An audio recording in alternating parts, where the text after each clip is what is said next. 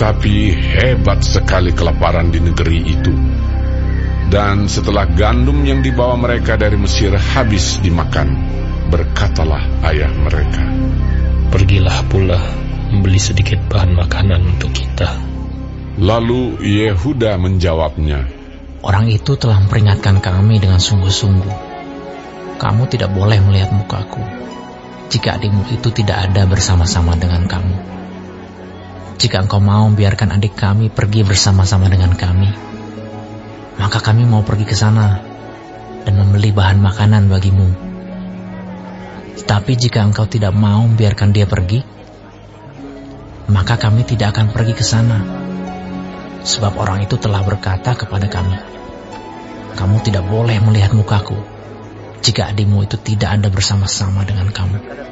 Lalu berkatalah Israel, Mengapa kamu mendatangkan malapetaka kepadaku dengan memberitahukan kepada orang itu bahwa masih ada adikmu seorang? Jawab mereka, Orang itu telah menanyai kami dengan seksama tentang kami sendiri dan tentang sanak saudara kita. Masih hidupkah ayahmu? Adakah adikmu lagi? Dan kami telah memberitahukan semuanya kepadanya, seperti yang sebenarnya. Bagaimana kami dapat menduga bahwa ia akan berkata, Bawalah kemari adikmu itu. Lalu berkatalah Yehuda kepada Israel, ayahnya, Biarkanlah anak itu pergi bersama-sama dengan aku. Maka kami akan bersiap dan pergi. Supaya kita tetap hidup dan jangan mati. Baik kami maupun engkau dan anak-anak kami. Akulah yang menanggung dia. Engkau boleh menuntut dia daripadaku. Jika aku tidak membawa dia kepadamu dan menempatkan dia di depanmu, maka akulah yang berdosa terhadap engkau untuk selama-lamanya. Jika kita tidak berlambat-lambat, maka tentulah kami sekarang sudah dua kali pulang. Lalu Israel, ayah mereka berkata kepadanya, Jika demikian, perbuatlah begini. Ambillah hasil yang terbaik dari negeri ini dalam tempat gandummu dan bawalah kepada orang itu sebagai persembahan. Sedikit balsam dan sedikit madu, damar dan damar ladan, buah kemiri dan buah badam. Dan bawalah uang dua kali lipat banyaknya. Uang yang telah dikembalikan ke dalam mulut karung-karungmu itu haruslah kamu bawa kembali. Mungkin itu suatu kekhilafan. Bawalah juga adikmu itu. Bersiaplah dan kembalilah pula kepada orang itu.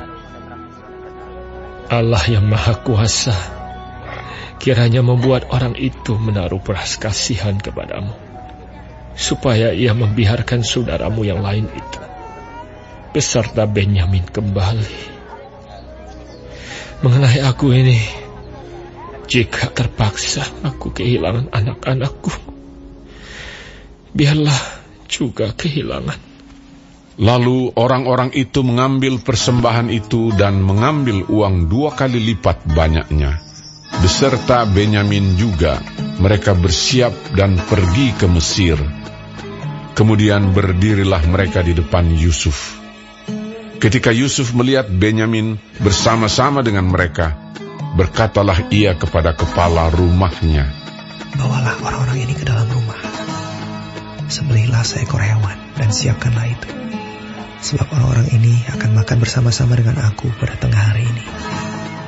Orang itu melakukan seperti yang dikatakan Yusuf dan dibawanyalah orang-orang itu ke dalam rumah Yusuf. Lalu ketakutanlah orang-orang itu karena mereka dibawa ke dalam rumah Yusuf. Kata mereka, Yang menjadi sebab kita dibawa ke sini ialah perkara uang yang dikembalikan ke dalam karung kita pada mulanya itu. Supaya kita disergap dan ditangkap. Dan supaya kita dijadikan budak. Dan keledai kita diambil. Karena itu mereka mendekati kepala rumah Yusuf itu dan berkata kepadanya di depan pintu rumah, Mohon bicara Tuan. Kami dahulu datang kemari untuk membeli bahan makanan. Tetapi ketika kami sampai ke tempat bermalam dan membuka karung kami, tampaklah uang kami masing-masing dengan tidak kurang jumlahnya ada di dalam mulut kami. Tetapi sekarang kami membawanya kembali. Uang lain kami bawa juga kemari untuk membeli bahan makanan. Kami tidak tahu siapa yang menaruh uang kami itu ke dalam karung kami. Tetapi jawabnya, Tenang sajalah, jangan takut. Allahmu dan Allah Bapamu telah memberikan kepadamu harta terpendam dalam karungmu. Uangmu itu telah kuterima. Kemudian dikeluarkannyalah Simeon dan dibawanya kepada mereka. Setelah orang itu membawa mereka ke dalam rumah Yusuf, diberikannya air supaya mereka membasuh kaki, juga keledai mereka diberinya makan. Sesudah itu mereka menyiapkan persembahannya, menantikan Yusuf datang pada waktu tengah hari, sebab mereka telah mendengar bahwa mereka akan makan di situ.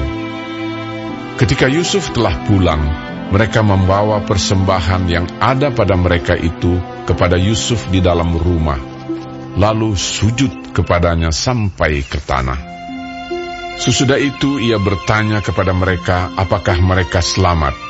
Lagi katanya, Apakah ayahmu yang tua yang kamu sebutkan itu selamat? Masih hidupkah ia? Jawab mereka, Hambamu, ayah kami, ada, selamat, ia masih hidup. Sesudah itu berlututlah mereka dan sujud.